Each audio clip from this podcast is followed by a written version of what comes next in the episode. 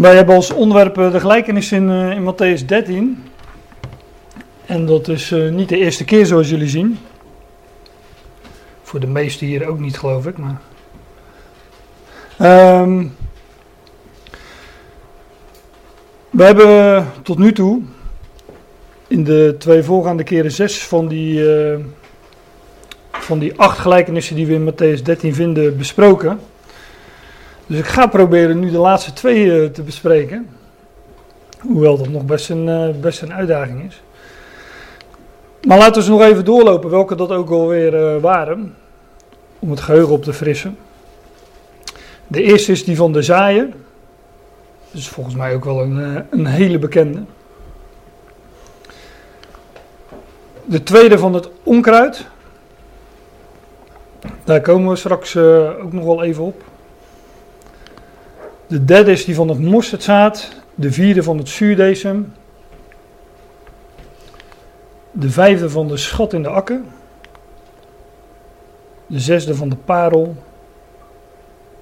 Dus die, deze zes hebben we besproken tot nu toe. De zevende is die van het visnet. Daar gaan we dan straks aan toe komen. En de achtste is die van de schriftgeleerde. En ik heb ze al een beetje gerangschikt, zoals je ziet. Want die gelijkenissen die, uh, die kun je weer onderverdelen in, uh, ja, in groepjes. Er zijn nog wel wat meer structuren in te vinden, maar uh, ik probeer het een beetje simpel te houden. Um, ja, kort gezegd is die, die van de zaaier heeft een tamelijk algemene neutrale betekenis. Die van het onkruid, mosterdzaad en zuurdesem een negatieve betekenis. Dat wat de mens doet in dat koninkrijk. Die groep met de schat in de akker, de parel en ook het visnet, daar ligt uh, het accent op dat wat, uh, wat God doet. En die van de schriftgeleerden is een, is een beetje een aparte, net als die van de zaaien. Maar eigenlijk is die van de schriftgeleerden nog wat aparte. Maar nou ja, daar, daar komen we vandaag in ieder geval nog wel even op. En of we daar helemaal mee klaarkomen vandaag, dat, dat weet ik nog niet, maar dat, dat zien we vanzelf. We hebben er, we hebben er dus zes besproken. en de zevende die, die volgt in de reeks is die van het visnet. En zoals ik zei, die vormt één groep, groepje. Die, of je kunt, je kunt die onderscheiden van de rest. Samen met de gelijkenis van de schat in de akker en die van de parel.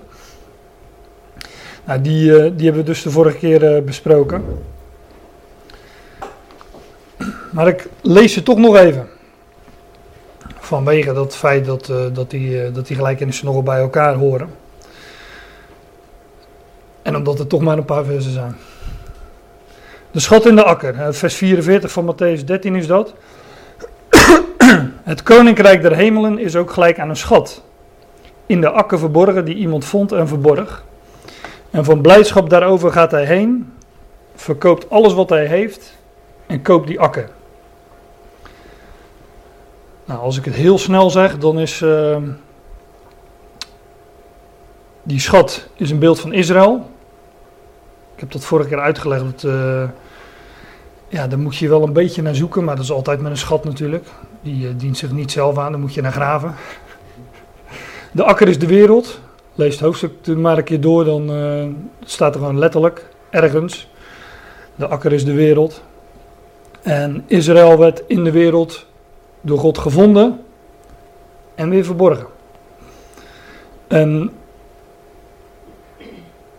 de, ja, er staat hier in de vertaling iemand, maar er staat uh, in de grondtekst gewoon een mens. En ook wie die mens is, vinden we ook al uh, uitgelegd in, de, in, de, in dit hoofdstuk. Dus het is ook gewoon een kwestie van uh, begrijp het lezen. Even noteren van wie is wat. En op het eind kun je het zo invullen. Maar die mens, die ging van blijdschap heen, verkocht alles wat hij had en kocht die akker. Hij kocht dus de wereld om die schat te bemachtigen. Nou, dat is gewoon een beeld van de Heer Jezus Christus die, die deze wereld heeft gekocht, gekocht en betaald om die schat Israël te bemachtigen. Nou, dat is heel eh, in het kort. Daar hebben we vorige keer iets langer over gedaan. Maar daar zijn opnames van dus. Ehm, de parel. Ook is het koninkrijk der hemel gelijk aan een koopman. En hier staat ook weer gewoon een mens, komma, een koopman. Die mooie parels zoekt. Toen hij een parel van grote waarde gevonden had, ging hij heen. Verkocht alles wat hij had en kocht hem. Het verhaal is hetzelfde. Er is weer een mens, nou wie die mens is weten we, dat is de Heer Jezus Christus, die alles verkoopt wat hij heeft om, uh, om iets te bemachtigen. Dit keer is het geen schat, maar een parel. Een, uh, is dat een edelsteen, een parel? Denk het wel. Hè? Nee? Oh. In ieder geval een duur ding. Hem niet slijpen. Nee, je kan hem niet slijpen, want het is een... Uh, En dat is e- edelsteen. het is een... eh, oh ja, is dat het verschil tussen edelsteen en... Ja, je kunt, je kunt een parel niet splijten, je kunt hem niet eh, splitsen. Het is een eenheid. En eh, nou, dan ben ik meteen eh, bij de betekenis van die parel. Het is een uitbeelding van de gemeente. Dus de Ecclesia is een eenheid. Het lichaam van Christus is ondeelbaar. En eh, heeft weliswaar eh, veel kleuren, veel facetten. Want als het licht schijnt op een parel, dan, eh, dan zie je alle kleuren. Heb ik me laten vertellen. Ik heb ze niet in huis, maar... eh, Edelstenen die ontstaan onder hele grote druk. Ja, dan wel. ja, ja, ja, En die bouwt langzaam op. Oh, ja. Edelstenen ontstaan onder grote druk en een parel wordt opgebouwd in die, eh, in die oester, oester is het, meen ik. Doordat eh, de oester, eh, door het lijden van de oester, zandkorreltje wat in die oester komt, daar gaat die parel moer omheen eh, maken. En zo eh, wordt die eh, parel gevormd. Nou, dat is een, een uitbeelding van de vorming van de gemeente. Ergens in het verborgene, in de zee, hè, want daar bevinden die oesters zich, wordt, wordt die parel gemaakt. Nou, deze mens, die koopman, die verkocht alles wat hij had en hij kocht hem. Die parel dus. Nou, ik zei al, veel in Matthäus 13 is eh, gewoon een kwestie van eh, sommige, paar dingen weet je en de rest kun je dan invullen. We hebben nu eh, een gelijkenis die groep vormt met drie andere. Het visnet. De gelijkenis van het visnet vormt een groep met de schat in de akker en die van de parel. En die van de schat in de akker spreekt over Israël. Die van de parel spreekt over de gemeente. Dus die van het visnet spreekt over de volkeren, ja, de wereld, de volkeren. Het is ook eh, vaak gewoon een beetje de dingen invullen. Als je het eenmaal weet, wordt het, eh, is het makkelijk. Maar laten we die eh, gelijkenis even lezen. Dat is een hele lange, vier versen maar liefst. In vergelijking met die andere dan. Hè. Het koninkrijk der hemelen is ook gelijk aan een net, uitgeworpen in de zee, dat allerlei soorten vissen bijeenbrengt. Als het vol geworden is, trekken de vissers het op de oever. Ze gaan zitten en verzamelen de goede vissen in vaten, maar de slechte gooien ze weg. Zo zal het bij de voleinding van de aion zijn. De engelen zullen uitgaan en de slechten uit het midden van de rechtvaardigen afzonderen, en ze zullen hen in de vurige overwerpen. Daar zal gejammer zijn en tandengeknas. Ja, de, de zee. Hier is het koninkrijk der hemelen is een net. Dat staat er. Het koninkrijk der hemelen is ook gelijk aan een net. Dus dat net is een, eh, een uitbeelding van, van het koninkrijk. Het wordt uitgeworpen in de zee. Nou, sinds de vorige gelijkenis, ik zei, ik zei het net eh, al even, die parel die wordt ook gevormd in de zee. Dat is een, eh, dat, dat is een uitbeelding van, van de volkeren, de volkerenzee, de natieën. Zoals in, eh, het staat letterlijk in, eh, ik heb het vers niet bij de hand, maar in, volgens mij is het openbaring 17 of 18. Die wateren die, eh, die gij ziet, werd tot Johannes gezegd, dat zijn volken, scharen, scharen, natieën en tongen. Allemaal synoniemen natuurlijk. Maar ook in, eh, in de psalmen wordt het woeden van de volkeren wordt, wordt vergeleken met het woeden van de zee. Dus die zee is een uitbeelding van de volkeren. Dat koninkrijk der hemelen is dus een net. Wordt hier vergeleken met een net dat uitgeworpen wordt in de zee. Het koninkrijk der hemelen wordt dus ja, uitgeworpen in de volkeren. In deze wereld zou je kunnen zeggen. En daar is het ook onzichtbaar. verborgen, totdat het, uh, totdat het boven getrokken wordt. Want zo gaat het met een net. Maar dat net wordt als het ware verborgen in de zee. En ik zeg dat omdat gelijkenissen spreken over de verborgenheden, de geheimen, geheimenissen, hangt van je vertaling af. Maar ik, uh, ik kan nooit zo goed kiezen tussen dat woord uh, geheimenissen en het woord verborgenheden. Omdat het uh, natuurlijk allebei uitdrukking geeft aan, aan, aan, aspecten van die, van die verborgenheden. Ver, verborgen betekent natuurlijk echt dat het, dat het verborgen is. Dat je naar, moet zoeken. En een geheim of een geheimenis is natuurlijk ook wel een verborgenheid. Maar ehm, ja, wel een meestal een, uh, een, iets dat bij een bepaalde groep toch bekend is. Of bekend kan zijn. En wij, uh, wij verklappen die geheimpjes graag als ze onder elkaar zijn. maar we zoeken naar die geheimen, we zoeken naar die verborgenheden, maar daar spreken de, de gelijkenissen over. Die gelijkenissen, ja, die werden door de Heer Jezus verteld aan, aan, aan, aan een grote schare. En wat, wat die uh, mensen hoorden die daar aan de kant zaten terwijl Jezus in dat bootje op de zee zat. Hebben we ook die zee in 13 vers 1. Zij hoorden een verhaaltje en daarna stopt het verhaal. En nou ja, waarschijnlijk hebben ze gedacht, oh, wat een mooi verhaal. Maar de discipelen kwamen naar Jezus toe en zij uh, kregen uitleg. Soms vroegen zij daar ook naar. Want die gelijkenissen moesten uitgelegd worden, want ze spreken van de verborgenheden van het koninkrijk. Nou, hier is het koninkrijk der hemelen um, als een net dat uitgeworpen wordt in de zee. Het koninkrijk is een net uitgeworpen in die volkerenzee, dat allerlei soorten vissen bijeenbrengt. Ja, dat vissen, dat heb ik uh, even schuin gedrukt. Um, degene die statenvertaling of herziene statenvertaling hebben, die, uh, die zien dat het daar schuin staat. Het staat er namelijk niet. Het brengt allerlei soorten bijeen het is op zich wel logisch. ik heb begrepen dat als je gaat vissen met een net, dat het wel de bedoeling is dat er zoveel mogelijk vis in zit. maar als je de Donald Duck en zo leest, dan komt er ook wel eens wat anders. Uh, ja, dat is de lectuur die wij hier thuis uh, wel liggen. Dus, of ik had pas een Duck, daar stond Goofy op de voorkant met een schoen aan zijn haak in plaats van een vis. Dus, ja, dat kan allemaal. Het brengt dus van allerlei soorten bijeen. Um, ja, vissen, dat zal ongetwijfeld de achterliggende gedachte zijn. Maar we lezen van, van de discipelen lezen we natuurlijk al dat zij uh, vissers waren. En um, laat ik dat even erbij pakken. In Matthäus 4, dus hetzelfde Bijbelboek. Daar staat in Jezus wandelt bij de zee van Galilea en hij nam twee broers waar. Hij zag twee broers. Simon die Petrus genoemd wordt en Andreas zijn broer. Die een zakvormig sleepnet, staat er dan heel letterlijk vertaald. Een zakvormig sleepnet in de zee werpen, want zij waren vissers. Ik haal het ook even aan omdat uh, in Matthäus 13, en dat is dan Nee, dat is, uh, dat is dit vers gewoon, vers 47. Gaat het ook over een sleepnet. Dus uh, er zijn verschillende soorten net, heb ik me laten vertellen. En uh, een sleepnet is een net dat wordt over de grond gesleept. Er komt dus van alles in.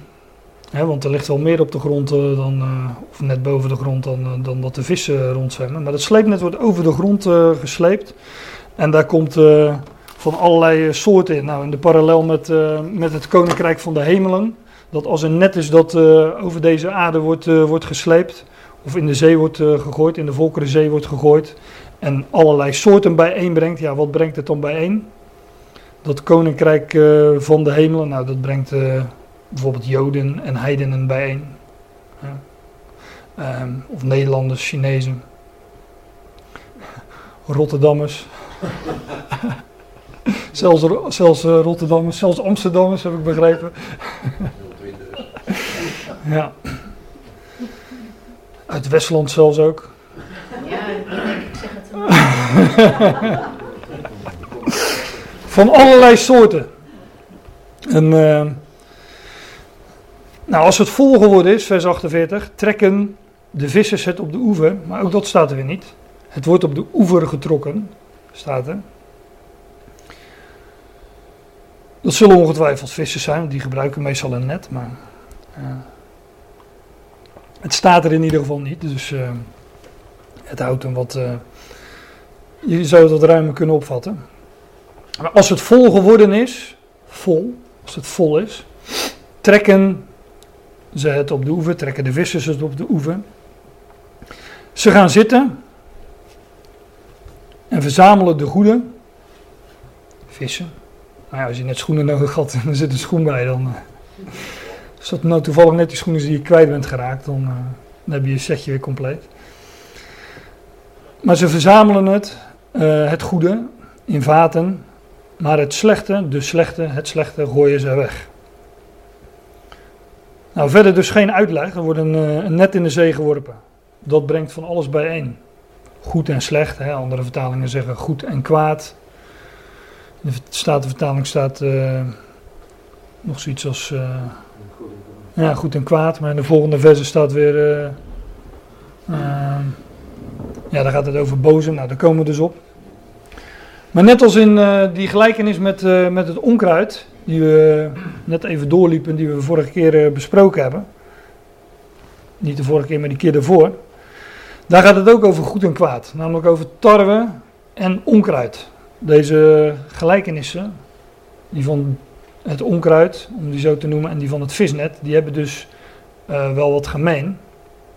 Bij die van, de, van het onkruid, bij die van, dus van het tarwe en het onkruid, daar wordt aan het einde van bij de oogst wordt daar uh, tarwe verzameld en het onkruid wordt in uh, bossen verzameld en, en, verbrand. Maar ook daar gaat het dus om een, om een oogst over een verzameling. En hier wordt het net opgetrokken als het vol is. En wordt ook verzameld. En wordt ook het goede gescheiden van het kwade. Het goede gescheiden van het, van het slechte. Nou, dat is de hele gelijkenis. Niet al te veel details. Maar dan komt de uitleg in vers 49.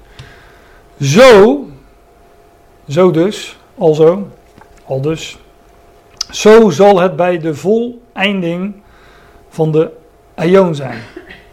Niet van de wereld. De wereld is dan nog lang niet ten einde. Duurt dan nog zeker duizend jaar. Deze wereld, voordat er een nieuwe hemel en aarde komt.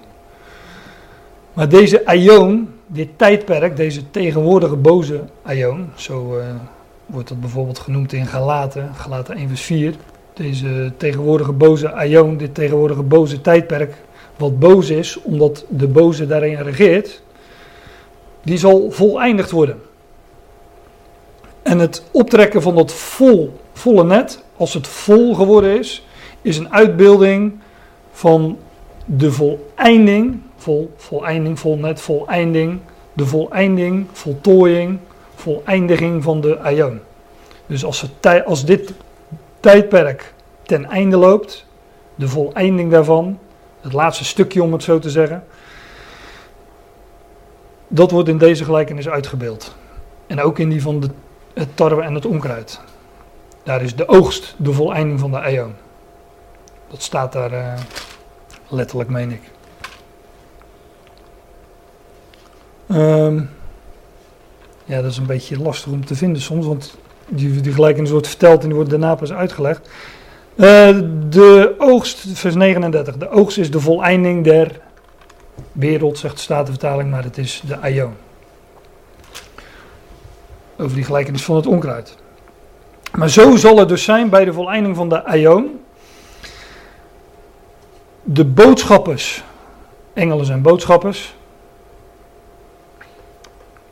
daar las je ook van in die gelijkenis van het uh, onkruid. Ik laat straks nog even de uitleg van die gelijkenis van het onkruid zien, omdat er heel veel uh, overeenkomsten in zitten. Maar lees ze nog maar eens na, dus leg ze naast elkaar. De voleinding van de aion is daar de oogst. Hier is het optrekken van uh, het net dat vol geworden is. De engelen, de boodschappers, is dat letterlijk gewoon in het Grieks.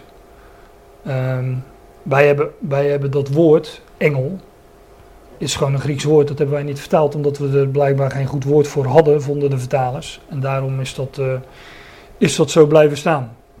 Zo zijn er wel meer woorden overigens. Het woord apostel is ook een Grieks woord. Dat betekent zoiets als een afgevaardigde. Maar men had er blijkbaar, uh, vond men uh, niet zo'n goed woord voor, dus heeft men het gewoon laten staan.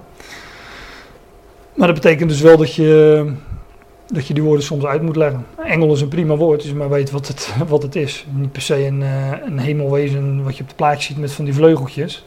Maar een engel is een boodschapper. En als in Genesis boodschappers naar Abraham toekomen, dan zien die er gewoon uit als mannen. Zo zal het bij de voleinding van de eon zijn. De boodschappers, de engelen, zullen uitgaan en de slechten, de bozen, de kwaden, uit het midden van de rechtvaardigen afzonderen. Boodschappers gaan uit, trekken het net op en zonderen de slechten, de kwaden uit het midden van de rechtvaardigen. Wat is een rechtvaardige? Dat is geen moeilijke vraag, toch? Als je gelooft dat God er is, alle mensen toch? Ja, een, ja, een gelovige zo. God rekent geloof tot rechtvaardigheid. Dus een rechtvaardige, weten we van Paulus, nou ja, dat weten we al van, van Abraham. Een rechtvaardige is iemand die God gelooft, die God vertrouwt op zijn woord. Dan weet je meteen wat die anderen zijn, die andere groep. De slechten of de kwaden, dat zijn dus de ongelovigen. En bij de volleinding van de eon zullen dus boodschappers uitgaan. En zullen ongelovigen uit het midden van de gelovigen afzonderen. Die 144 Die boodschappers. Ja, dat zou goed kunnen.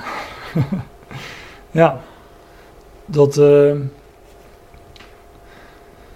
Nou, in ieder geval zijn het uh, de 144.000 die. Uh... Ja, ik kom, er, ik kom er straks nog wel even op. Ik kom er straks nog wel even op. Het zijn de 144.000 Um, want ik wil de gelijkenis nu even niet ingewikkelder maken dan het is. Maar de 144.000 zullen um, ook in de, dat laatste deel van deze aion, om het al zo te zeggen, zullen ze het evangelie van het koninkrijk prediken aan deze gehele wereld. Dat staat in Matthäus uh, 24. En daardoor zullen velen tot geloof komen. En dat zijn in ieder geval die rechtvaardigen niet. Maar er zullen ook zijn die niet geloven. En dat zijn uh, ja, de kwaden of de onrechtvaardigen, of hoe je het ook wilt noemen. En die, uh, de ongelovigen zullen hier uit het midden van de rechtvaardigen afgezonderd worden. Ga ik eerst even naar uh, de uitleg van de gelijkenis van het uh, onkruid.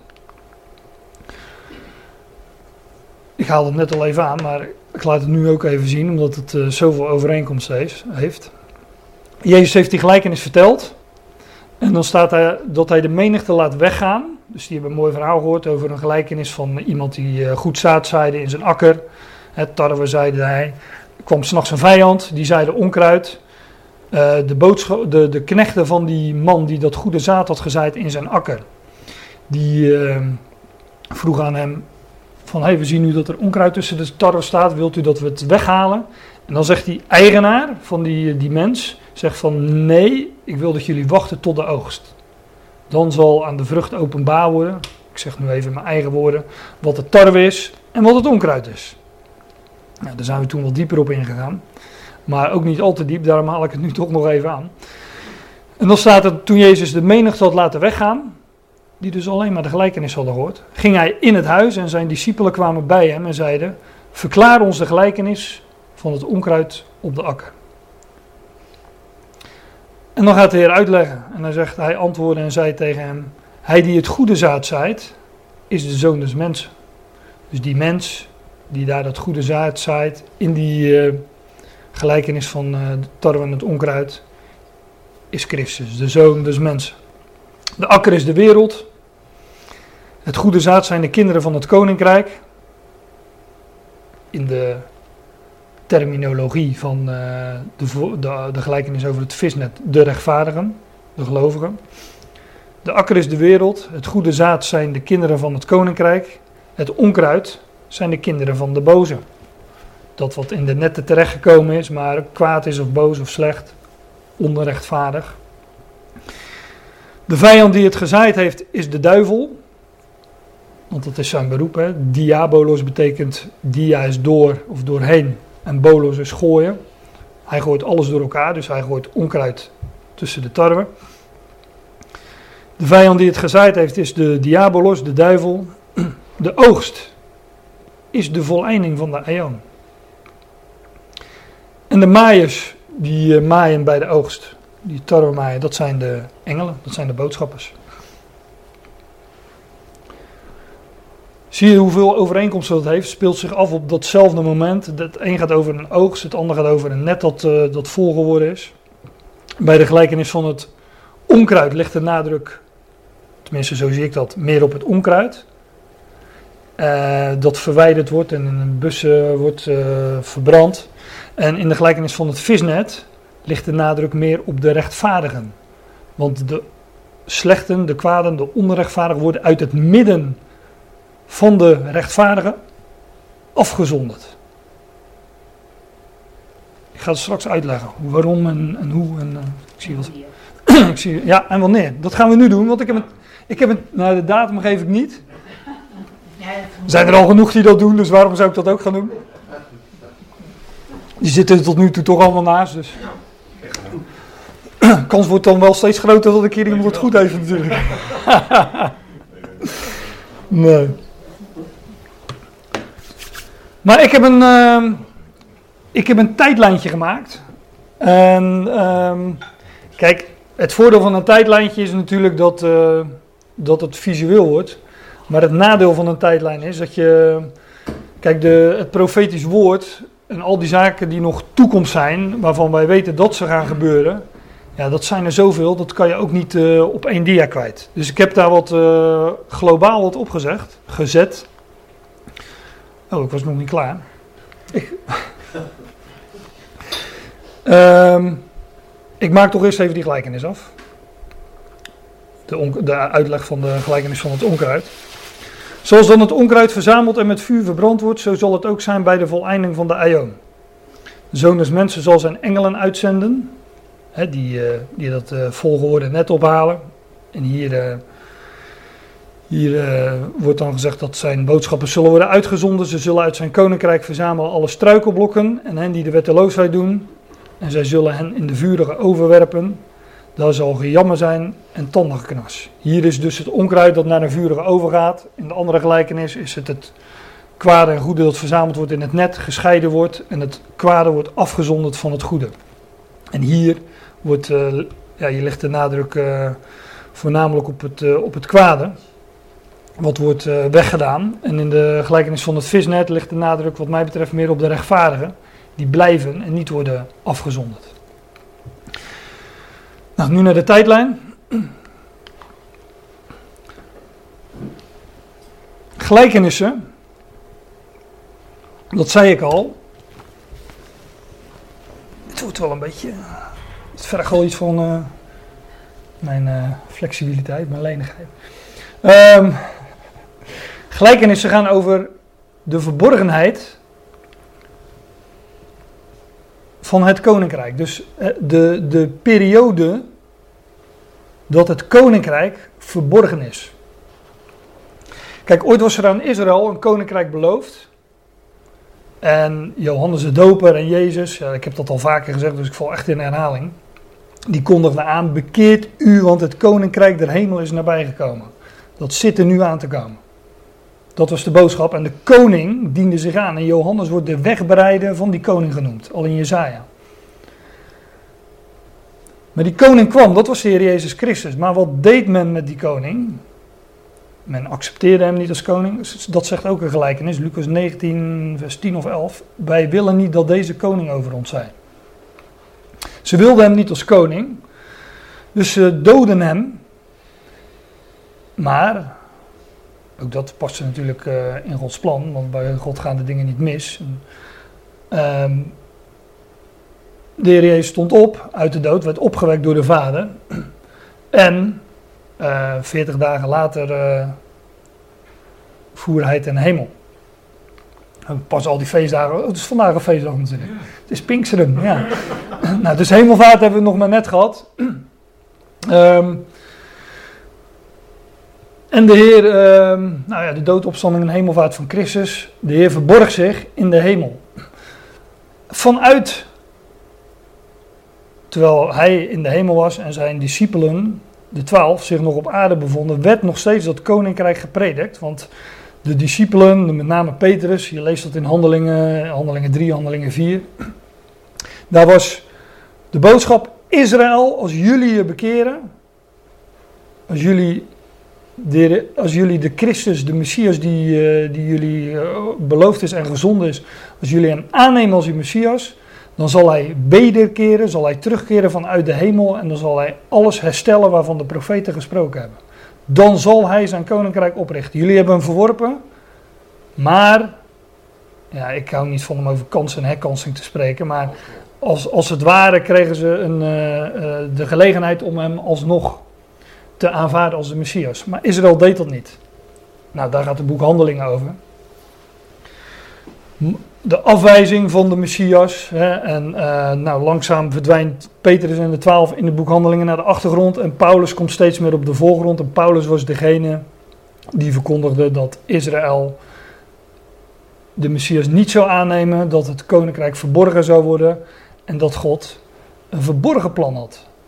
Namelijk een volk zich te verzamelen uit de natieën. Uit alle natieën voor zijn naam. De gemeente, de Ecclesia. Nou, vanaf, die, vanaf dat moment werd de periode, of van welk moment dan ook, welk moment je daarvoor pakt, maar ongeveer vanaf dit moment werd het koninkrijk verborgen. Want het koninkrijk bestaat wel degelijk, alleen het is verborgen in de hemel. Voor degenen die dat niet uh, geloven, zeg ik altijd uh, Colossense 1 vers 13, gevangenisbrief van de apostel Paulus. Een van de gevangenisbrieven bij uitstek, het koninkrijk van de zoon van zijn liefde. Ja, dat, dat moet je soms zeggen, want er zijn mensen die dat niet geloven. En die, nou, dat is een ingewikkeld verhaal, maar uh, hoe heet dat? Geen slapende honden wakker maken. Als je, dat niet, als je daar niet mee bekend bent, gefeliciteerd. De, die periode werd dus verborgen. Maar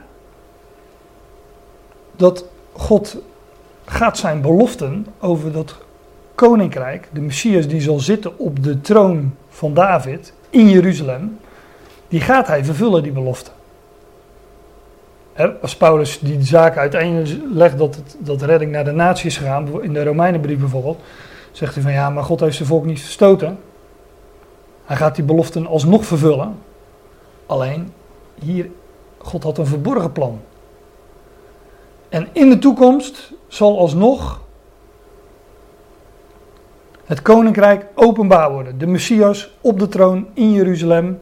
En vanuit Israël, vanuit Jeruzalem zullen alle volkeren onderworpen worden. Als dat zo is, dan, is dat, uh, dan beginnen de duizend jaren, het geopenbare koninkrijk. Dan zal vanuit het kroontje, dan zal hij zitten op de troon van zijn vader David. Daarom heet hij ook de zoon van David in de, in, in de schrift, onder andere in de profetieën. Maar op dat moment is deze verborgen periode, hij is nu verborgen in de hemel, maar dat, dat, dan is hij niet meer verborgen. Dus dan is de verborgenheid vervuld. Het geheimenis is voleindigd. Dat, dat, dat je in openbaring 10 eh, vers 7, dat heb ik hier afgedrukt. In de dagen van de stem van de zevende engel, wanneer hij bezuinen zal, dus op die zevende bezuin zal blazen. Dan zal ook voleindigd worden, voltooid worden, het geheimenis of de verborgenheid, mysterion in het Grieks. De verborgenheid die van God. Dat geheimenis, die verborgenheid, die verborgen periode, ja, die zal dan gecompleteerd zijn, die zal, zal dan voleindigd zijn. Want hij is gewoon zichtbaar, hij is openbaar, hij verschijnt. Nou, heel die periode, tot aan de duizend jaar, vanaf ongeveer de dood en opstanding van Christus en de hemelvaart, dat is die periode van het geheimenis van God. De verborgenheid.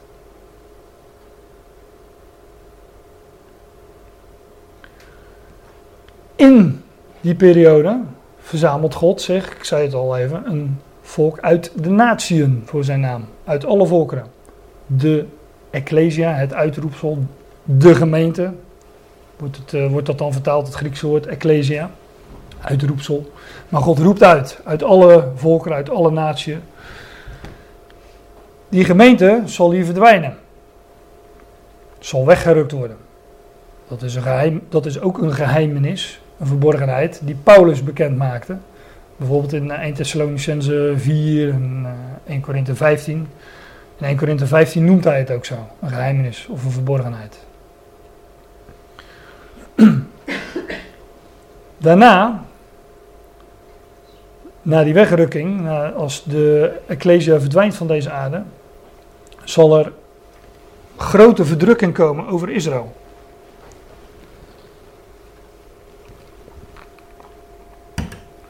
Israël zal 1260 dagen verdrukt worden.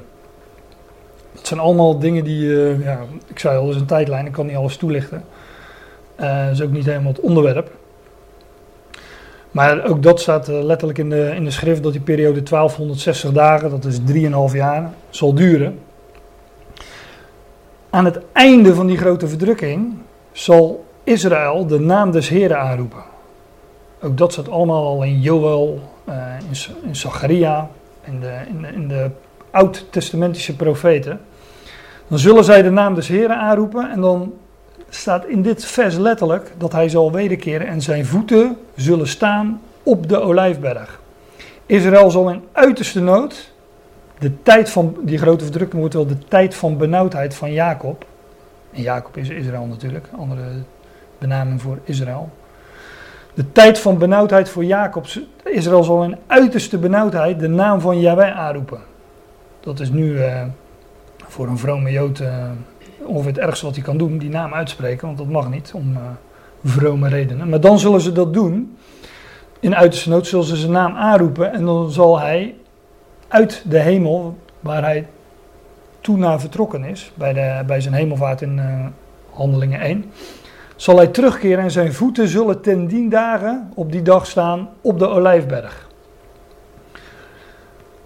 En dan, ja, dat is ook nog een verhaal apart, dan zal het volk de olijfberg zal scheuren en het volk zal door die olijfberg, door, die, door de dal wat ontstaan is, vluchten naar de woestijn. En ze zullen buiten het land verzameld worden.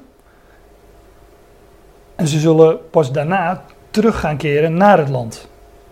Maar dat, dus in ieder geval de stad Jeruzalem, daar zal geen uh, steen op de andere gelaten zijn. Er zal totaal verwoest zijn. En ik denk dat ook van het land uh, op zich niet heel veel over zal zijn. Want alle volkeren zullen daar ten strijde verzameld worden. Dat staat ook in Zacharia 14. Maar op dit moment wordt het koninkrijk dus gevestigd over Israël. Hier is de koning verschenen aan Israël en uh, hij zal zich bekendmaken aan hen buiten het land uh, enzovoort. Maar ze zullen teruggaan naar het land, het land weer uh, opbouwen. Maar dan is het koninkrijk nog geen wereldwijd koninkrijk. Dat is iets dat heel vaak niet opgemerkt wordt. De koning zal verschijnen, de Heer Jezus Christus zal verschijnen aan, aan Israël. Zij zullen hem eindelijk aanvaarden als uh, hun Messias. Maar dan is het koninkrijk nog niet gevestigd over deze wereld. Daar gaat nog een periode uh, aan voorbij. Dat, dat duurt een periode voordat alle volkeren onderworpen zijn. Ik haal het wel vaker aan, geloof ik, maar dat opwekkingslied dat zegt: vanaf de troon vestigt de zoon zijn heerschappij. Dat, dat ook dat gaat staps, stapsgewijs. De volkeren zullen uh, ja, overigens ook door oordelen en verdrukking tot, uh, tot erkenning van de Messias komen. En um, ja, dat vinden we dus ook beschreven in openbaring. In openbaring vind je zeven zegels. Ik merk dat ik nu toch wat in details ga, wat, misschien niet zo handig is. Maar zeven zegels, dat is de grote verdrukking over Israël. Daarna vind je een aantal bezuin, bezuinen en uh, wat waren het, schalen of violen. En aan het einde, daarom zeg ik het, aan het einde van die bezuinen, bij de zevende bezuin, als die geblazen wordt, dan zal pas het koninkrijk gevestigd zijn over deze hele aarde, over deze hele wereld. Dus tussen dat moment en dat moment, daar zit dus een periode tussen van, ja, ja, ik, uh, ik, ik, ik, ik, ik, ik denk dat het een paar decennia is. Ehm, maar daar heb ik alleen typologische redenen voor. En eh, ja, daar zijn, eh, dat zal in ieder geval even duren, want dit duurt al 1260 dagen. Uh, ik kan voor dat alle volkeren onderworpen zijn. Dat, kan best nog wel eens wat langer in beslag, in beslag gaan nemen.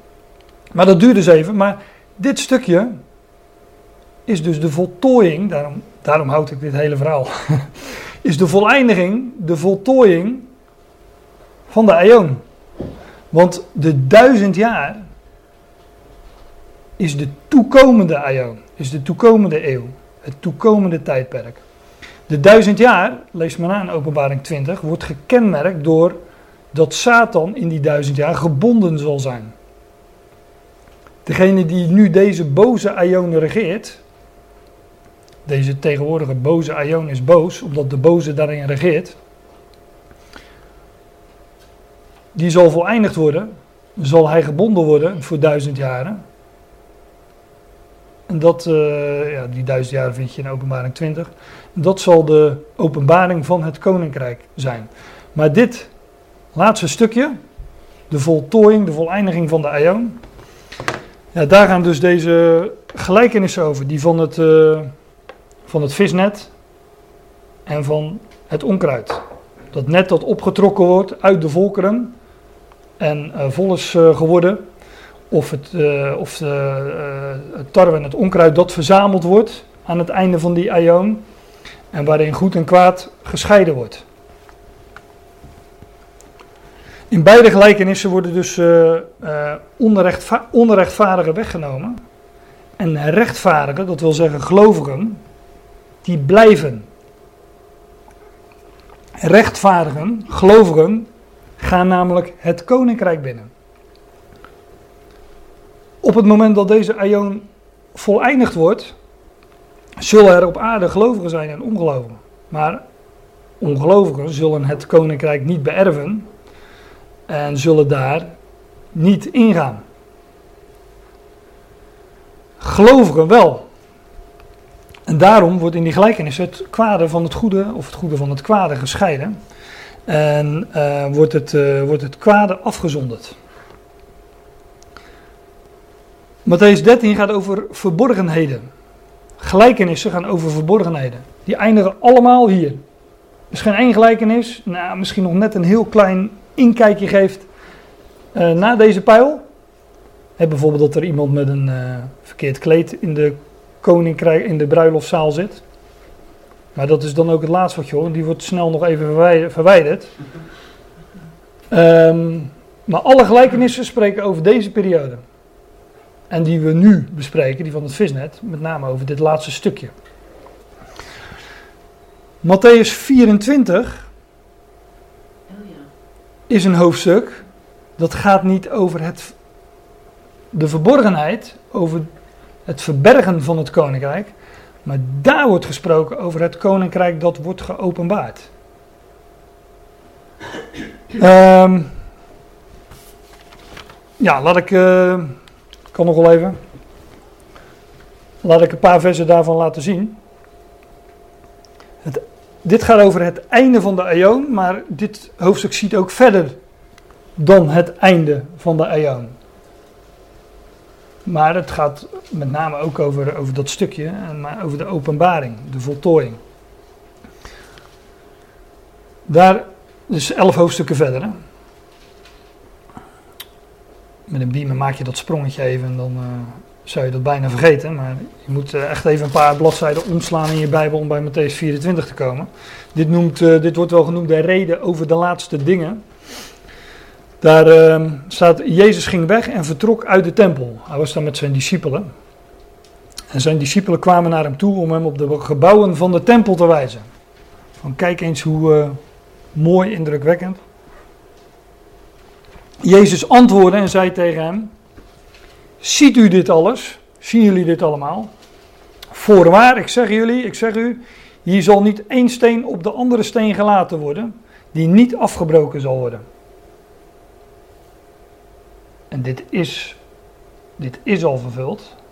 In het jaar 70 na Christus is, uh, is de stad Jeruzalem verwoest. Is er geen steen op de andere gelaten. Als je dat letterlijk neemt, dan uh, weet je dat uh, de klaagmuren ook geen eh, muur van de tempel was. Maar dat terzijde, want er is geen steen op de andere gelaten. Ehm, ik zeg u, er zal geen steen op de andere steen gelaten worden die niet zal afgebroken worden. En toen hij op de olijfberg zat, gingen de discipelen naar hem toe, toen zij alleen waren en zeiden, zeg ons, wanneer, wanneer zullen deze dingen gebeuren? Wat is het teken van uw komst en van de voleinding van de aion? Waaraan kunnen wij weten dat, dat u komt? Nou, ik ga nu niet, niet op alle details in, uw wederkomst, uh, om het even populair te zeggen. En de voleinding van de aion. Waaraan kunnen we weten dat die aion voleindigd wordt? Waaraan kunnen we weten dat het dit moment is? Dat gaat Jezus uitleggen. Hij vertelt eerst van, ja ik sla het vers over, want ik ga niet Matthäus 24 bespreken, maar ik wil even één aspect laten zien, waar die gelijkenissen ook over gaan. Rampen en oorlogen worden er voorzegd in uh, vers 1 tot 12. En dan staat er in vers 13, wie volharden zal tot het einde, die zal gered worden. Welk einde? Het einde van de Aion. In die periode, wanneer, want het gaat over deze periode, over de voleinding, voltooiing van de Aion. In die periode wordt het evangelie van het koninkrijk gepredikt. Dat staat hier, vers 14. Dit evangelie van het koninkrijk zal in heel de wereld gepredikt worden. Door die 144.000 zal in heel de wereld gepredikt worden tot een getuigenis voor alle volken. Dan zal het einde komen. Maar wie volharden zal tot het einde, letterlijk staat er verduren. Wie verduurt, en dat, ja, dat, uh, daar heb je wel, uh, dat, dat is ook werkelijk verduren, want daar komt een, uh, ja, ik zei al, rampen, oorlogen, verdrukking. Wie volharden, wie verduren zal tot het einde, die zal gered worden. Wie verduren zal.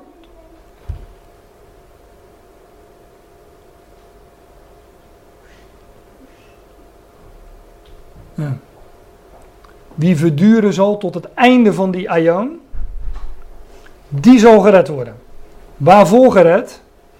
Nou, voor de toekomende aion. Wie volharden zal tot het einde van die aion, die zal gered worden, die zal die toekomende aion ingaan. Het koninkrijk ingaan, het koninkrijk beërven, hoe het er ook staat. Ik noem wel dingen zodat jullie, uh, zodat degenen die dat wel eens gelezen hebben het herkennen. En dit goede bericht, dit evangelie van het koninkrijk, zal in heel de wereld gepredikt worden tot een getuigenis voor alle volken. Dan zal het einde komen, het einde van die aion. Dan wordt er in vers 15 tot 34, dat is een hele lap natuurlijk die ik oversla, wordt gesproken over de grote verdrukking. Het staat er ook letterlijk in deze verse, de grote verdrukking en terstond na de verdrukking van die dagen, allemaal dat soort uh, termen. En de komst van Christus wordt hier besproken. En dan wordt er gezegd, zoals de dagen van Noach waren, zo zal ook de komst van de zoon des mensen zijn. Want zoals ze bezig waren in de dagen voor de zondvloed met eten, drinken, trouwen en ten huwelijk geven, tot op de dag waarop Noach de ark binnenging en het niet merkte, totdat de zondvloed kwam en hen alle wegnam, zo zal ook de komst van de zoon des mensen zijn. Dus deze dagen, als hij komt en zijn koninkrijk gaat oprichten, deze dagen zullen zijn als de dagen van Noach.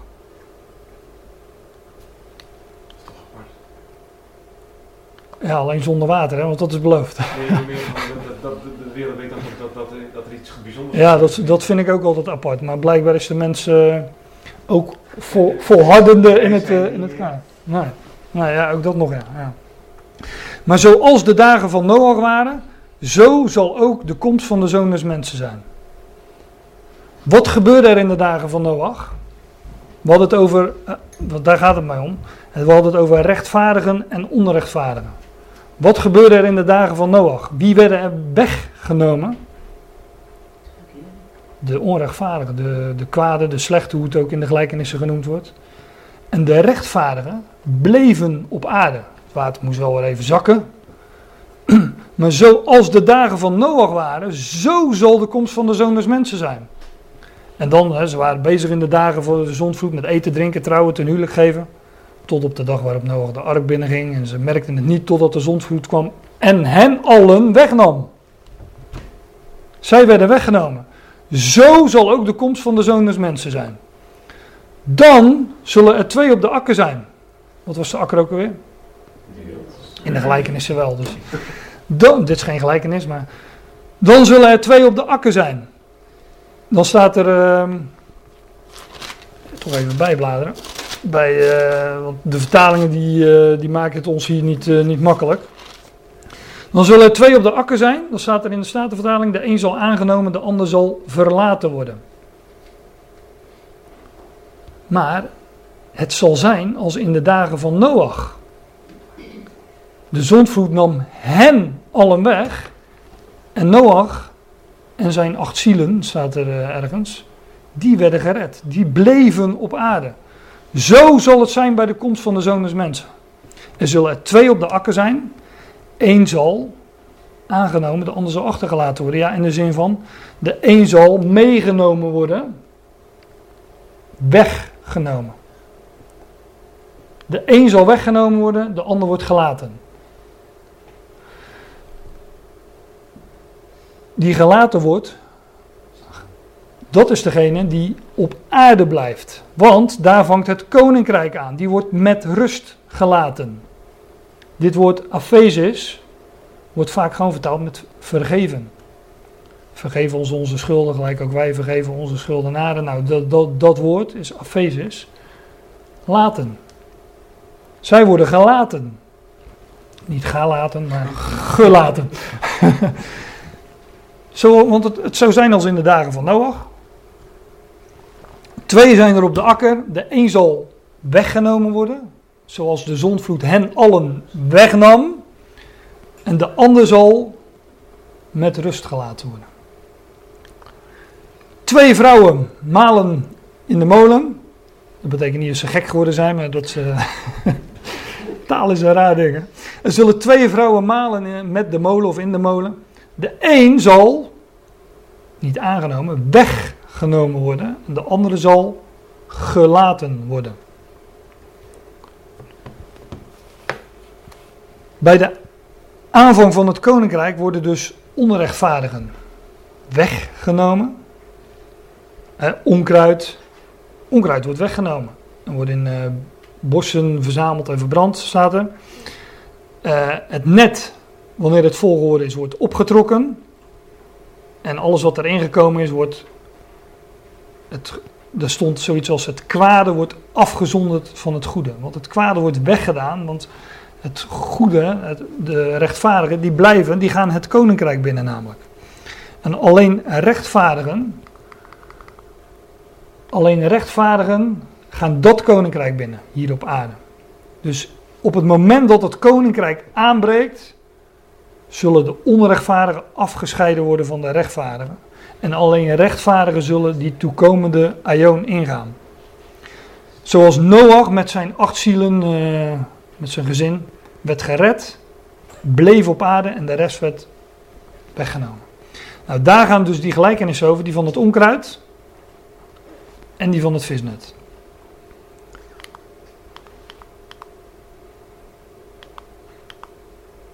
Dan gaan we na de pauze maar eens kijken naar de volgende gelijkenis, namelijk die van de schriftgeleerden.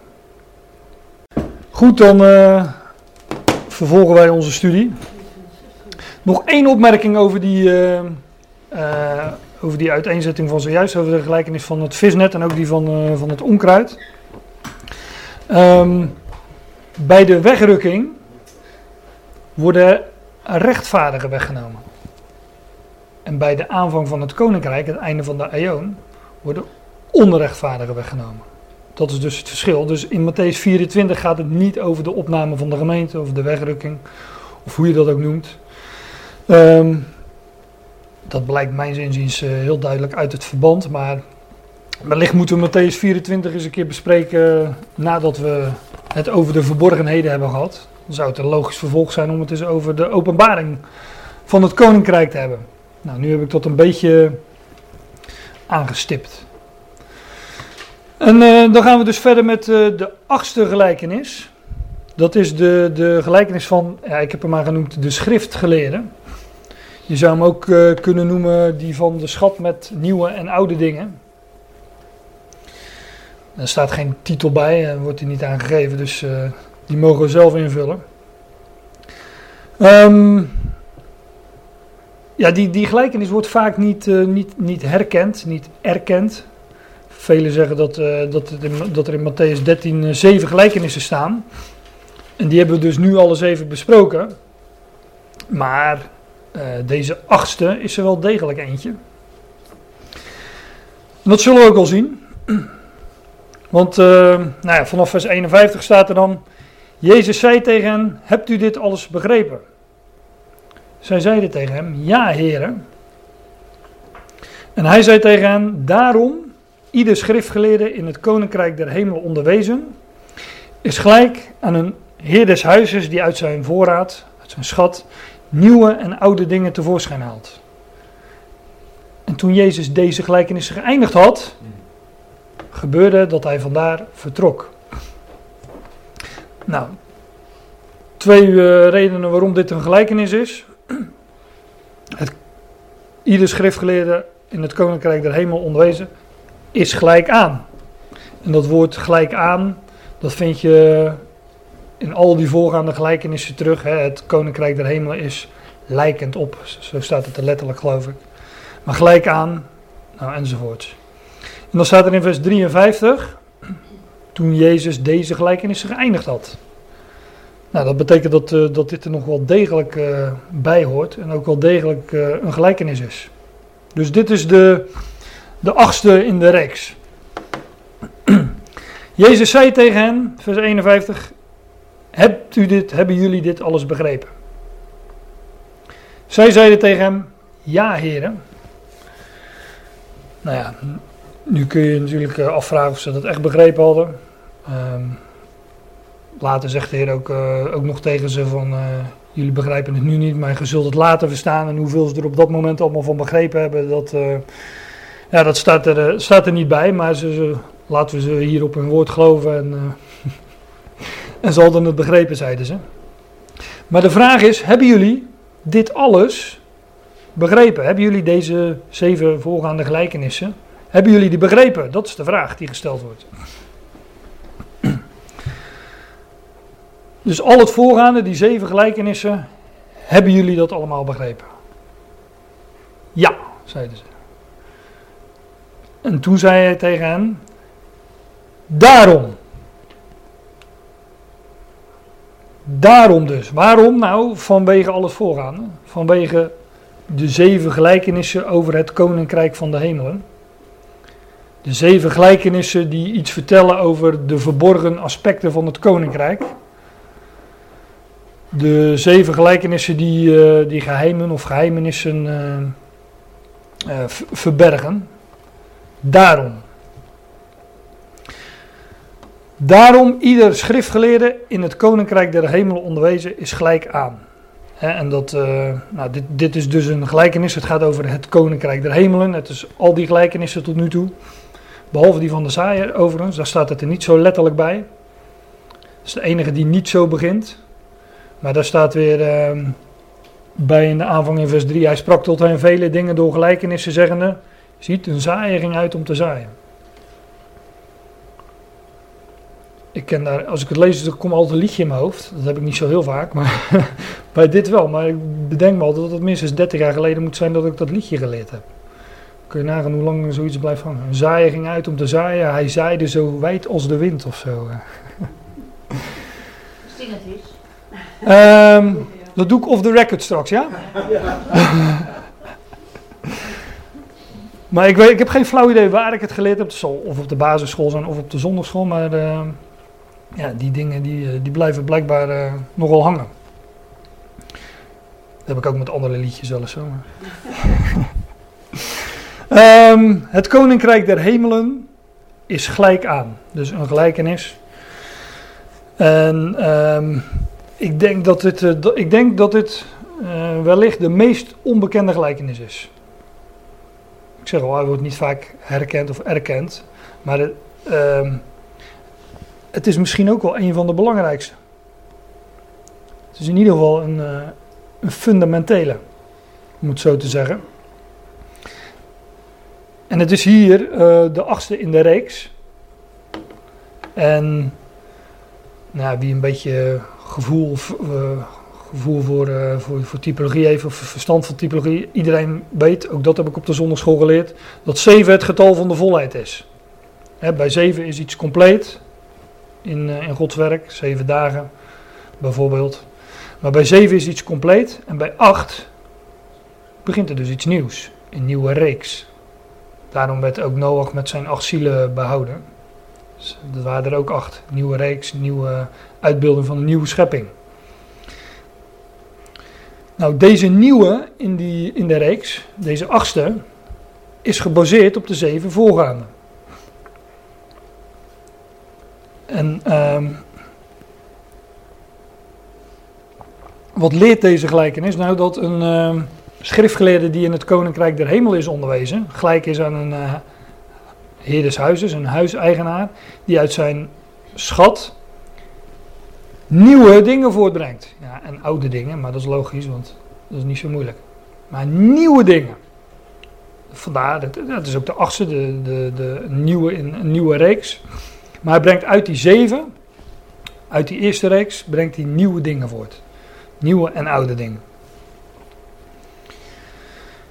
Daarom iedere schriftgeleerde.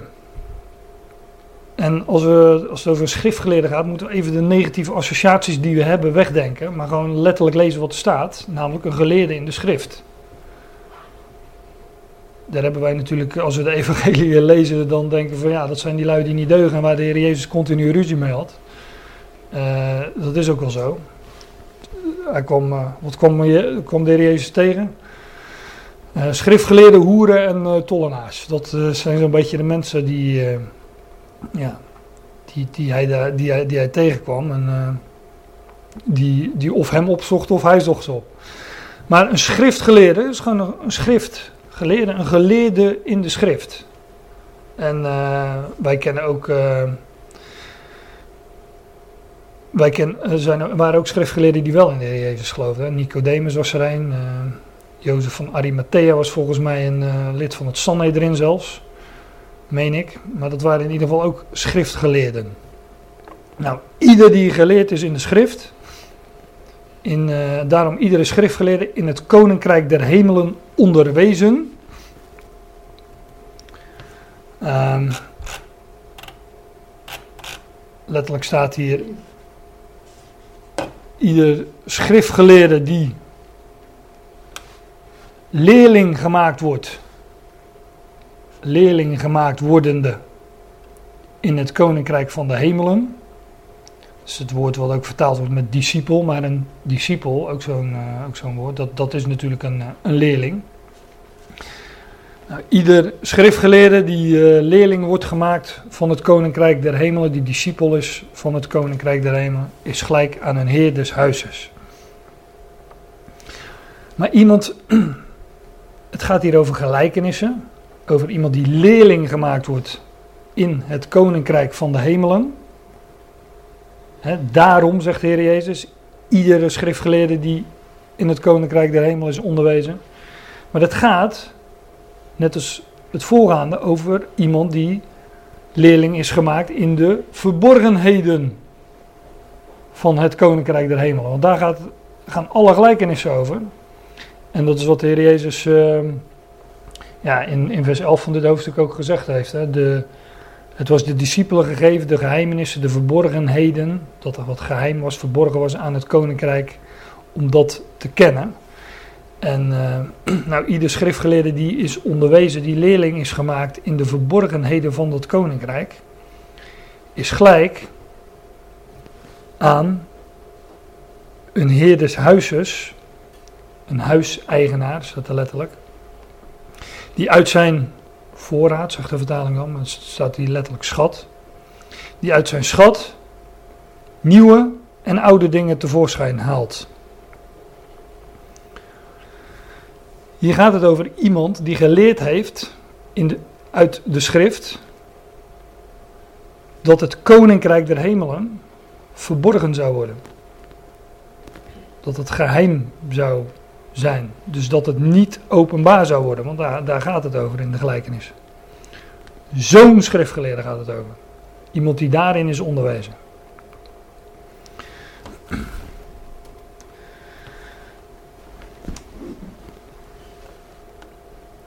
Iemand die leerling is gemaakt in uh, het koninkrijk van de hemelen, die lijkt op een, uh, is lijkend op een huiseigenaar.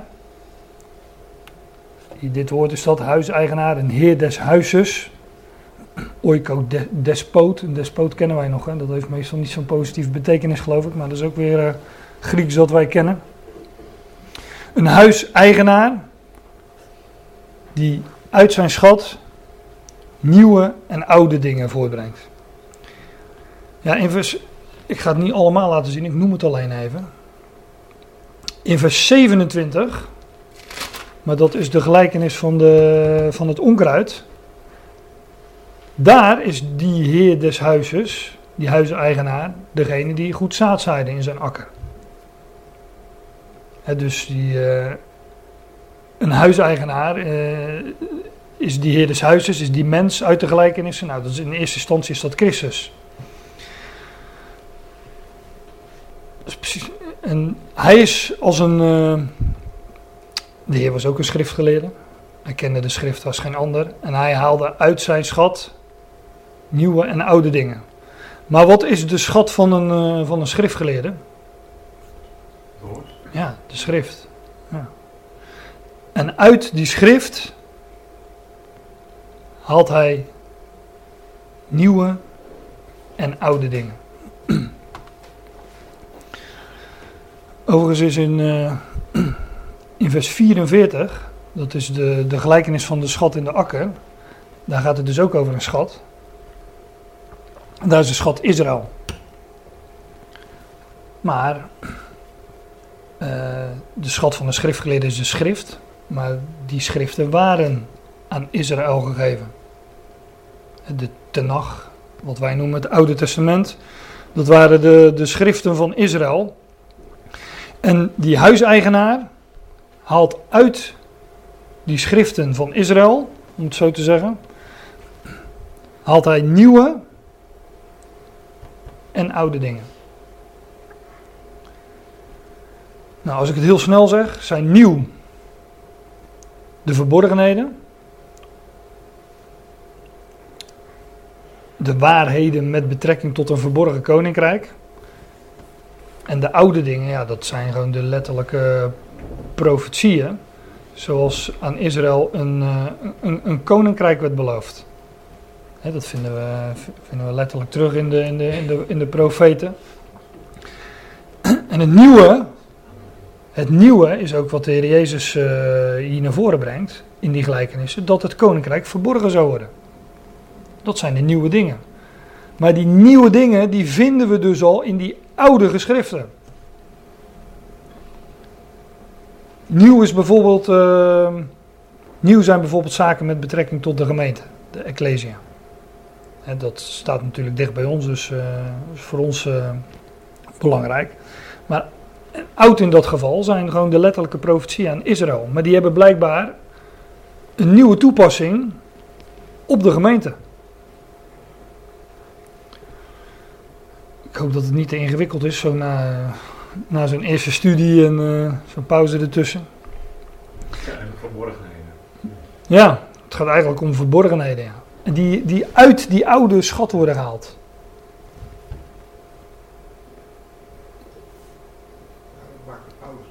Dat maakte Paulus bekend, ja. ja. Kijk, oude profetieën krijgen een nieuwe toepassing. Daar gaat het eigenlijk over. Want uh, die komen, dat moet ik ook zeggen, die komen niet in plaats van de oude. Dat is wat de kerk leert. Hè? Israël is in de plaats, uh, nee andersom, de kerk is in de plaats van Israël gekomen.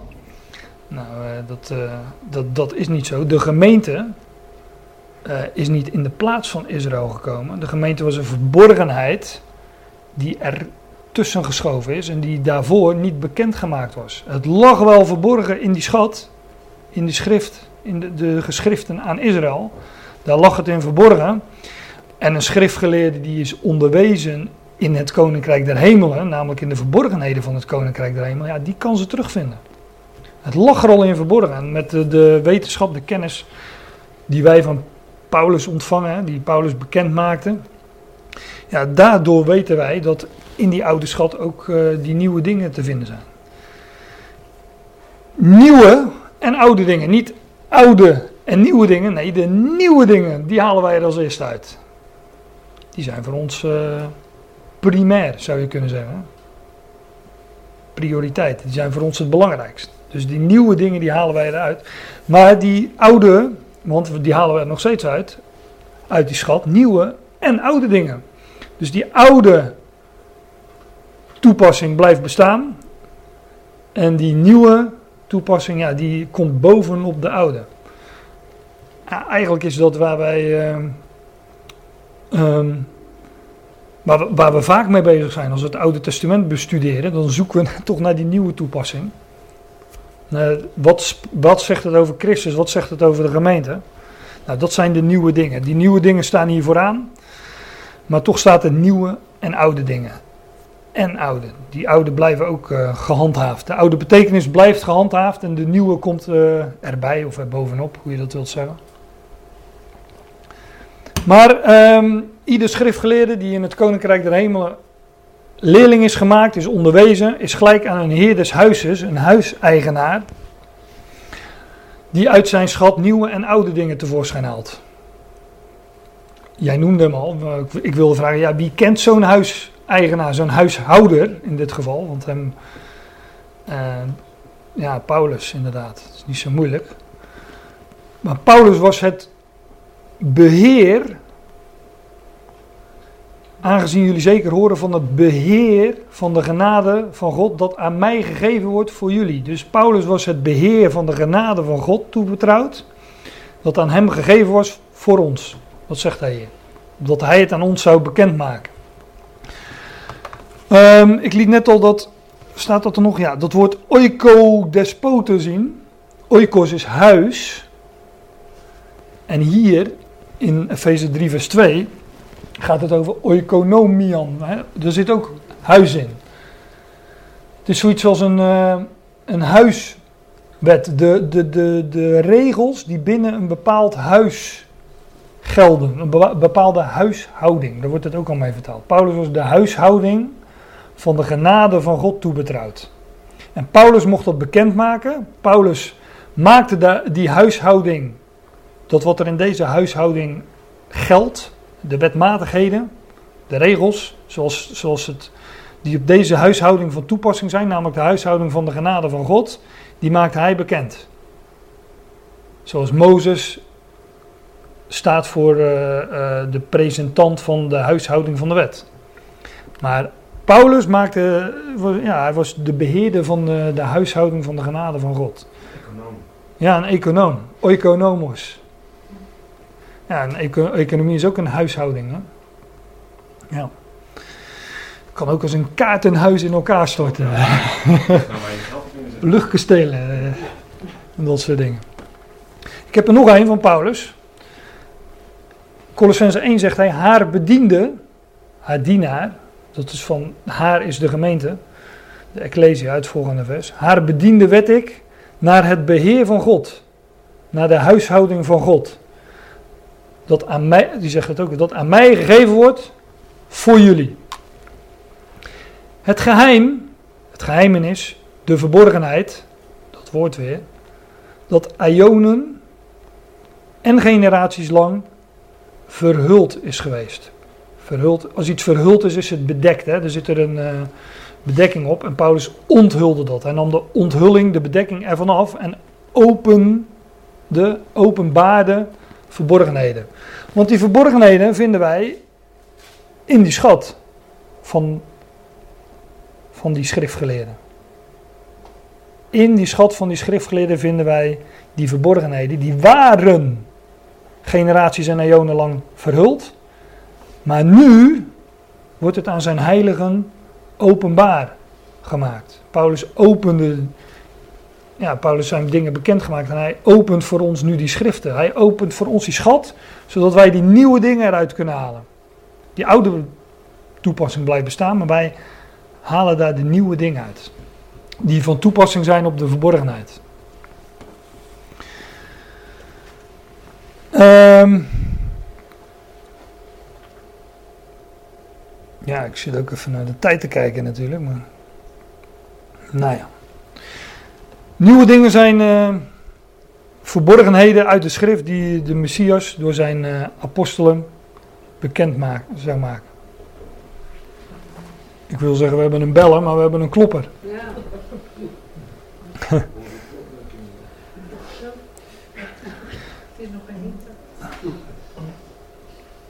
Ik heb een paar voorbeelden, maar ik, ik ja, ik kan er uh, tientallen, misschien wel uh, honderden noemen als je, uh, als je gaat spitten, als je gaat schatgraven. Maar in, in Filippenzen 2 zegt Paulus bijvoorbeeld dit. Opdat in de naam van Jezus zich zou buigen elke knie. Van hen die in de hemel en die op de aarde en die onder de aarde zijn. En elke tong zou beleiden dat Jezus Christus Heer is. Tot heerlijkheid van God de Vader. Nou Jens, hey. wat ga je doen? Boven mijn kamer Je tablet ligt hier op de trap. Kan je even... Uh... Wat? Ja, wat? Mag er wat spelen dan? Ja. Oké. Okay. maar, maar Paulus maakt dit in, uh, in Filippenzen 2 bekend, maar het is een aanhaling uit Jezaja. En in Jezaja staat, ik heb gezworen bij mezelf, uit mijn mond is in gerechtigheid een woord uitgegaan en het zal niet terugkeren, Zal dit, dit zal gebeuren, dat geen, uh, geen ontkomen aan, het zal niet terugkeren. Dat voor mij elke knie zich zal buigen en elke tong bij mij zal zweren. Dit is dus wat Paulus aanhaalt. Alleen in Jezaja staat erbij, echter in de Here, in Yahweh, zal gerechtvaardigd worden en zich beroemen heel het nageslacht van Israël. Het nageslacht van Israël. En Paulus haalt die tekst uit Jezaja en zegt van, nee, elke knie gaat buigen. Hij geeft daar een nieuwe toepassing aan, bovenop de oude. Want het zal inderdaad zo zijn dat uh, zich beroemen zal heel het nageslacht van Israël, om het met die woorden te zeggen. Maar, wat Paulus bekend moet maken, dat is dat elke knie en elke tong echt elke knie en elke tong is.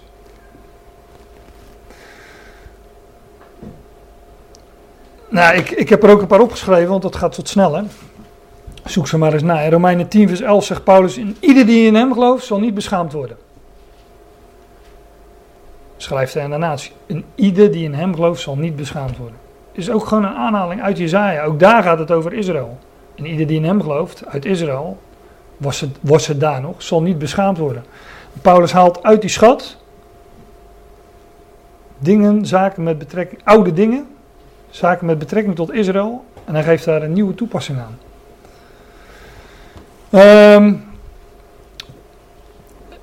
Typ, een, een, typo, een typologische. Uh, de, op Grote Verzoendag, we hebben het wel eens over de tabernakel gehad. In uh, iets, iets kleinere kring. Toen nog, maar dat is al een paar jaar geleden. Op Grote Verzoendag ging de hoge priester van het oude verbond in het heilige der heiligen om verzoening te doen voor de zonde van het volk. Welk volk? Israël. Hij deed daar jaarlijks verzoening voor de zonde van het volk en dan waren alle zonden van het volk weggedaan.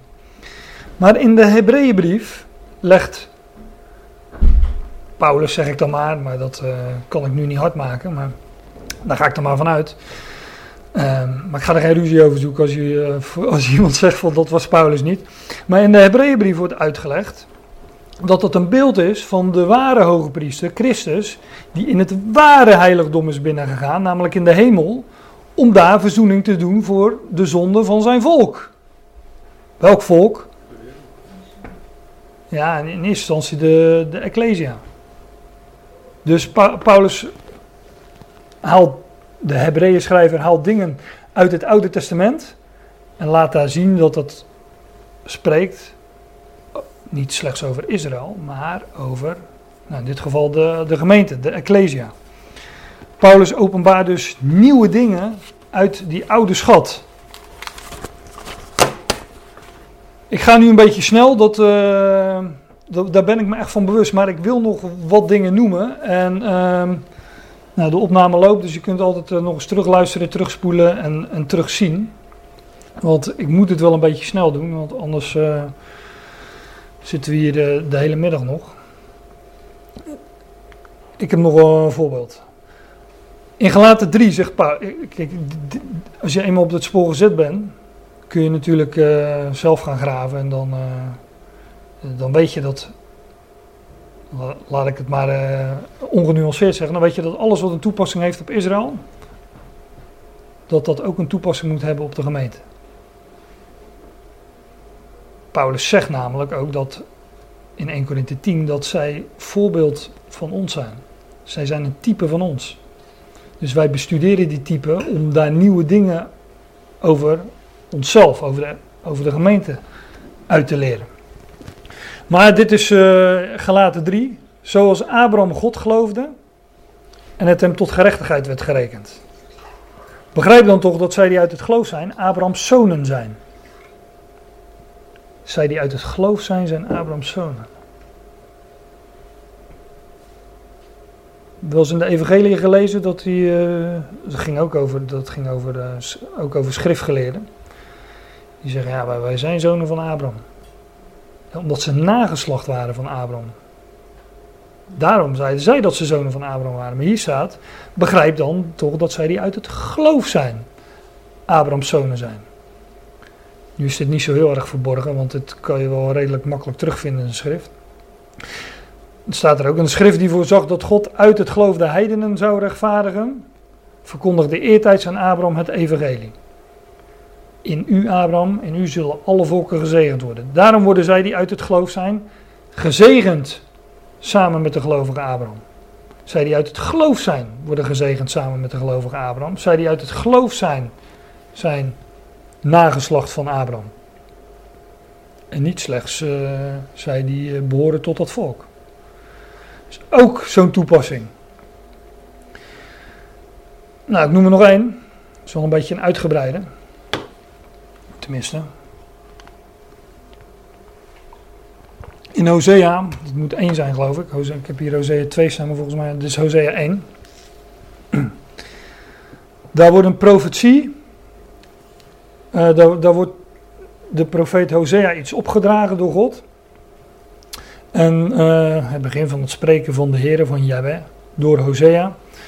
De Heer zei tegen Hosea: Ga, neem voor u een vrouw van hoererijen en kinderen van hoererijen, want het land wendt zich in schandelijke hoererij van de Heer af. Hier staat in één zin dat, ik leg gelijk even uit, dat Hosea een uh, hoer moest nemen, daarmee moest trouwen, omdat het land, Israël, van God afhoereerde. Oftewel, Hosea, jij bent een beeld van mij, zegt God tegen Hosea. En die hoer is een beeld van het land Israël, want Israël wendt zich in hoererij, in afgoderij is dat, uh, af van de heren, van Jahweh. En daarom moest Hosea, om dat uit te beelden, een vrouw nemen, een vrouw van hoererijen. Nou, dat deed hij. Vers 3. Hij ging en nam Gomer, een dochter van Diblaim. Allemaal mooie betekenis voor die namen, maar daar ga ik nu niet op in. Zij werd zwanger en baarde hem een zoon. Een hoerenzoon dus. Hè? Toen zei de Heer tegen hem: Geef hem de naam Israël. Want nog even en ik zal de bloedschulden van Israël vergelden aan het huis van Jehu. En ik zal het koningschap van het huis van Israël wegdoen. Israël betekent verstrooid of iets dergelijks. Hij zal verstrooien. Nou, op die dag zal het gebeuren dat ik de boog van Israël zal breken in het dal van Israël. Zij werd opnieuw zwanger en ze baarde een dochter. Daarop zei hij tegen haar: Geef haar de naam Lorugama, want ik zal mij voortaan niet meer ontfermen over het huis van Israël. Ik zal hen zeker wegvoeren. Lorugama betekent niet ontfermd. Dus verstrooid, niet ontfermd. Nou, er komt nog een, uh, Eh, een derde. Maar over het huis van Juda zal ik mij ontfermen en ik zal hen verlossen door de Heer hun God. Ik zal hen echter niet verlossen door bogen, door zwaard, door strijd, door paarden of door ruiters. Toen zij Lo Rugama niet meer de bos gaf, werd zij weer zwanger en ze baarde een zoon en hij zei, geef hem de naam Lo Ami. Staat erachter wat het betekent, niet mijn volk namelijk. Lo Ami is niet mijn volk. U bent niet mijn volk en ik zal er voor u niet zijn. Dus Israël verstrooid, niet ontfermd en niet mijn volk. Als uitbeelding van de komen, hè, die, die hoer is een uitbeelding van Israël. De kinderen die daaruit voortkomen, de volgende geslachten van het huis van Israël. Nou, dit is dus uh, de profetie in, uh, in Hosea, Hosea 1. Toch zal het aantal Israëlieten zijn als het zand van de zee. Het aantal Israëlieten zal zijn als het zand van de zee, dat niet gemeten, niet geteld kon worden. En het zal gebeuren dat in de plaats wat tegen hen gezegd is, u bent niet mijn volk, tegen hen gezegd zal worden, zonen van de levende God. Over Israël. Dit, dit denken we even weg, Romeinen 9, dat heb ik erbij gezet. Maar dit gaat over Israël, onmiskenbaar. Hosea, profeet, gezonden aan Israël. Staat er ook gewoon bij in Hosea 1. In welke dagen die geprofiteerd heeft. Allemaal op Israël, staat er zelfs bij, voor de duidelijkheid. Dan zegt Paulus gewoon in Romeinen 9. Hen heeft hij ook geroepen, namelijk ons. Niet alleen uit de Joden, maar ook uit de heidenen. Zoals hij ook in Hosea zegt. Ik zal niet mijn volk noemen, mijn volk, en de niet geliefde mijn geliefde. En het zal zijn op de plaats eh, waar tegen hen gezegd was: U bent niet mijn volk, daar zullen zij zonen, kinderen van de levende God genoemd worden. Nou, hier wordt dus een profetie die spreekt over Israël, dat niet meer Gods volk zou zijn, maar dat wel door God in de toekomst weer zal aangenomen worden. Ik heb dat uh, in Hosea niet meer bijgelezen, maar dat vind je dus in Hosea 2. Maar ja, dat, uh, dat mogen, mogen jullie thuis lezen. Israël zou niet Gods volk zijn, zou verstrooid worden. Uh, God zou zich niet over hen ontfermen. Maar in de toekomst zal er gezegd worden tot dat volk, ja jullie zijn wel mijn volk, of wel weer mijn volk, of hoe je dat ook willen zeggen. Maar Paulus haalt die profetie aan en past hem toe, ook toe op de periode die daartussen zit. Over de verborgenheid. En hij zegt, ik zal niet mijn volk noemen mijn volk en de niet geliefde mijn geliefde. En dat gaat over de gemeente. Paulus zegt dat in Romeinen. Want zij die eerst niet Gods volk waren, niet behoorden tot Israël, de natieën, die, die zijn nu Gods volk. En God verzamelt zich uit die natie nu een volk. En op de plaats waar tegen hen gezegd was, namelijk onder alle natieën, u bent niet mijn volk, daar zullen zij zonen van de levende God genoemd worden. Dus Paulus geeft daar een hele nieuwe toepassing aan. De oude blijft bestaan, want God zal zich ontfermen over dat volk. God zal dat volk weer aannemen. Alleen Paulus die, uh, haalt daar uh, nieuwe dingen uit, uit die oude schat. Nou, daar, uh, daar zijn veel en veel en veel en veel meer voorbeelden van te noemen, want ik, uh, ja, dat is natuurlijk oneindig. Want Paulus geeft in zijn brieven een paar voorbeelden, maar uh, dat betekent dat wij ook andere zaken zouden bestuderen die ook zo'n toepassing hebben. Hij geeft in, in, in, de, in de gelaten brief zegt Paulus bijvoorbeeld, kennen jullie die wet dan? Jullie willen zo graag onder de wet zijn, kennen jullie de wet dan niet? En dan haalt hij zo'n voorbeeld over uh, Hagar en, uh, en Ismaël uit het Oude Testament. En laat zien wat daar de beduiding van is. Nou, dan, dat, dat zijn slechts voorbeelden die Paulus geeft om ons op een spoor te zetten, om die dingen te onderzoeken en uit die schat nieuwe dingen te halen naast de oude. Want ook die oude gaat God vervullen. Hier gaan we het voor nu maar bij laten, want het lijkt me wel even genoeg uh, zo voor deze ochtend.